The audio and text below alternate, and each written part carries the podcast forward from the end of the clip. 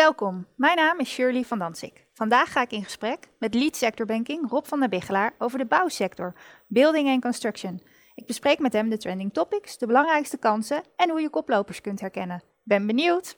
Rob, building and construction. Dat klinkt wel chic, maar waarover hebben we het dan eigenlijk? Ja, Shirley, het gaat over de bredere bouwsector. Dus de woningbouw, utiliteitsbouw, grondweg- en waterbouw, maar ook gespecialiseerde bouwbedrijven, zoals installatiebedrijven. Oké, en wat doet een bedrijf die actief is in de utiliteitsbouw eigenlijk? Nou, dat zijn eigenlijk bedrijven die bezig zijn met niet-woningbouw. Dus denk aan scholen, kantoorgebouwen, DC's, stations, dat soort dingen. Oké, dank voor je toelichting. Als we kijken naar de trends en ontwikkelingen, wat zijn dan de trending topics voor de bouwsector? Nou, de middellange termijn trends, dat zijn er eigenlijk drie. Uh, als eerste de woningnood. We bouwen bijna 50.000 huizen per jaar, maar het is nog te weinig. Ja. Eh, groeiende bevolking, dus dat moet anders. En met de huidige methode van bouwen, dus met busjes naar een bouwplaats rijden en uh, het tekort aan personeel, komen we ook niet verder dan die 50.000. Dus om dat te veranderen, zijn we 15 jaar geleden, zijn de bouwbedrijven al gestart met het bouwwerk informatiemodel, BIM. Ja. Daardoor is een heel groot deel van het voorproces al gedigitaliseerd. En nu moeten we eigenlijk doorpakken op die digitalisering en verder gaan automatiseren en industrialiseren. Dus wat je gaat zien is dat steeds meer delen van een bouwproces industrieel uh, vervaardigd kunnen worden in een fabriek en dan op de bouwplaats alleen nog maar in elkaar gezet hoeven te worden.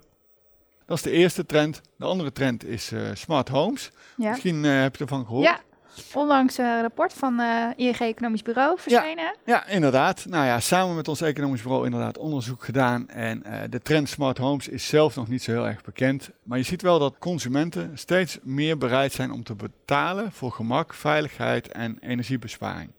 Dus met je iPad, telefoon, uh, het licht aandoen of de verwarming hoger of lager zetten. Ja, superhandig. Superhandig, Ja. inderdaad. Maar ook dus een kans voor heel veel andere partijen. Omdat het allemaal wireless is, zie je dat andere toetreders ontstaan. Google, KPN, eh, energiebedrijven. En dat betekent ook dat voor de installateurs het echt een kans is, maar ook een bedreiging. Dus aan hen om daarmee om te gaan en daarmee uh, aan de slag te gaan. Een derde uh, trend die ik wil benoemen is uh, de verduurzaming. Het woord energiebesparing viel al. Ja. Nou ja, verduurzaming van nieuwbouw, dus duurzaam bouwen, circulair bouwen, maar ook verduurzaming van bestaande gebouwen. Ja. dat is echt nodig en daar wordt veel aandacht aan besteed.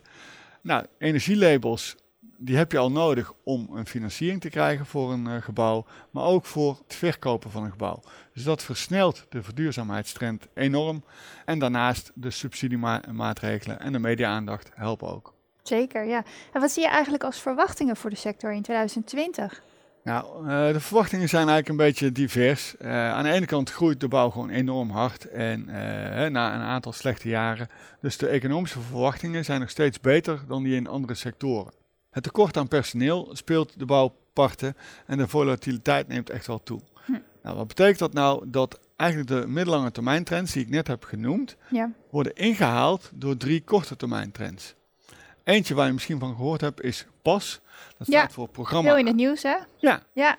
staat voor programma aanpak stikstof. En dat betekent eigenlijk dat de overheid geen bouwvergunningen meer mag afgeven voor projecten die in de buurt van eh, Natura 2000 gebieden plaatsvinden en eh, zorgen voor verhoging van de stikstofuitstoot. Om daarmee om te gaan, eh, moeten overheden gaan kijken van hoe, hoe steekt een project in elkaar. Dus er moet een eh, nieuwe milieutoets plaatsvinden, een stikstofplan komen. En dat vertraagt enorm de bouwprocessen. Om toch te kunnen gaan bouwen bij verhoogde stikstof is een zogenaamde ADC-toets in het leven geroepen. Maar En wat is dat, een ADC-toets? Ja, dan gaat de overheid kijken van in hoeverre dat de noodzaak er is om toch te gaan bouwen, bijvoorbeeld bij woningnood. En dan moet je dus weer aan allerhande voorwaarden voldoen. Oké, Dat zorgt dus voor vertraging. ja. En bouwers moeten echt in beeld brengen in hoeverre afgesloten, lopende of toekomstige projecten worden geraakt door die bouwafspraken van pas. Ja. Daarnaast hebben de gemeenten dus mogelijkheden om daarmee om te gaan, maar dat, over, eh, ja, dat verschilt per gemeente. Ja. Een vervolgtrend is een ander woord, dat lijkt erop, PFAS. Ja, Dus geen pas, maar PFAS. persoonlijk vind ik het eh, nogal verwarrend. Nou, dat horen we vaker. PFAS, PAS gaat over stikstofuitstoot. Ja. En PFAS gaat eigenlijk over chemische eh, stofjes die in de grond zitten. die zorgen ervoor dat de grond langzaam vervuilt.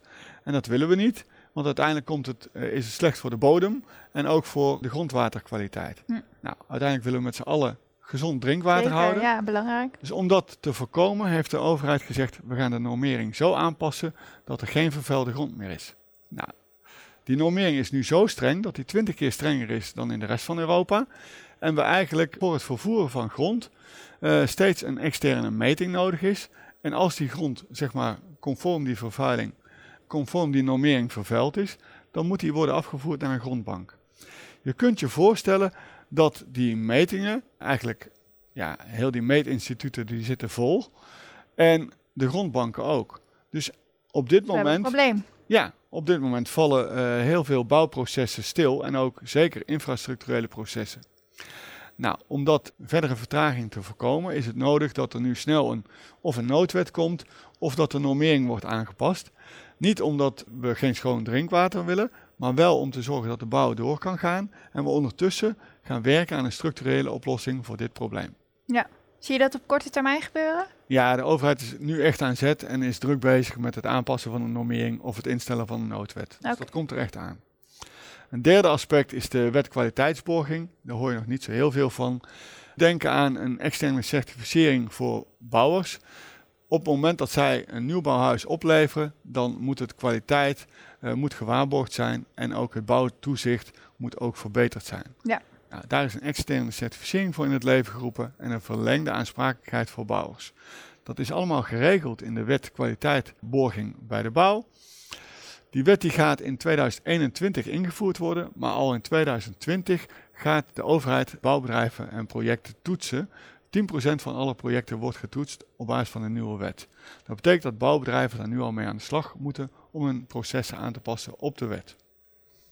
Duidelijk. En als we kijken naar kansrijke gebieden in de sector, welke zijn dat dan volgens jou? Ja, kansrijke gebieden, het is dus niet allemaal kommer en kwel. Eh, de lange termijn trends hebben we gezegd, de korte termijn dreigen we stil te vallen. Om dat zeg maar, vlot te trekken, komt er wellicht zo'n noodwet. Maar daarnaast stopt de overheid er ook extra geld in. 2 miljard, Flink bedrag. Inderdaad. Nou, 1 miljard daarvan is eigenlijk bedoeld voor de eh, woningcorporaties. Om in drukke gebieden zo snel mogelijk te gaan bouwen. Ja. En de andere miljard verspreid over vier jaar, 250 miljoen voor de gemeenten en de provincies om bedrijven te helpen bij het versnellen van de vergunningaanvragen en of eh, compensatiemaatregelen bij eh, stikstofuitstoot. Als je dan kijkt waar liggen dan de kansen, dan zijn het eigenlijk kansen voor bedrijven om nu gebruik te maken van die korte termijn ja, zeg maar be- bedreigingen. PAS en PFAS zorgen ervoor dat iedereen weet dat er iets aan de hand is in de bouw. En dat zorgt ervoor dat je nu je bedrijf zo snel mogelijk moet aanpassen aan die nieuwe omstandigheden.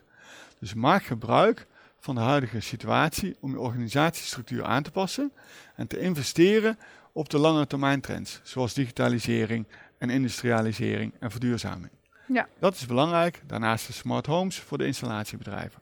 Trap niet in de valkuil om de ruimte die je hebt gecreëerd, hè, doordat het een paar jaar goed is gegaan, de ruimte in je werkkapitaal, zeg maar, eh, te gebruiken om mensen zo lang mogelijk in dienst te houden, omdat we straks weer grotere projecten hebben. Nee, zorg dat je flexibel bent als bouwbedrijf om ook in de komende tijd in te spelen op de trends en ontwikkelingen die er ontstaan. ja. Voor de bouwers nu het moment om eh, keuzes te maken, hoor ik je zeggen. Inderdaad, Ja. en zo herken je dus ook de koplopers. Ja. De bouwbedrijven die keuzes durven maken in deze tijd op industrialisering of flexibiliteit. Dat zijn de koplopers van dit moment. Ja. Nou, dankjewel Rob. Ik vond het een eh, leuk gesprek. Ik weet wat meer over eh, de bouwsector. Ja. Dankjewel. Ja, ook bedankt Shirley.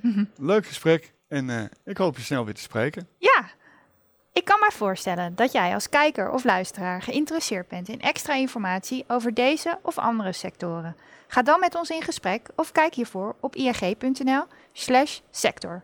Bedankt voor je aandacht.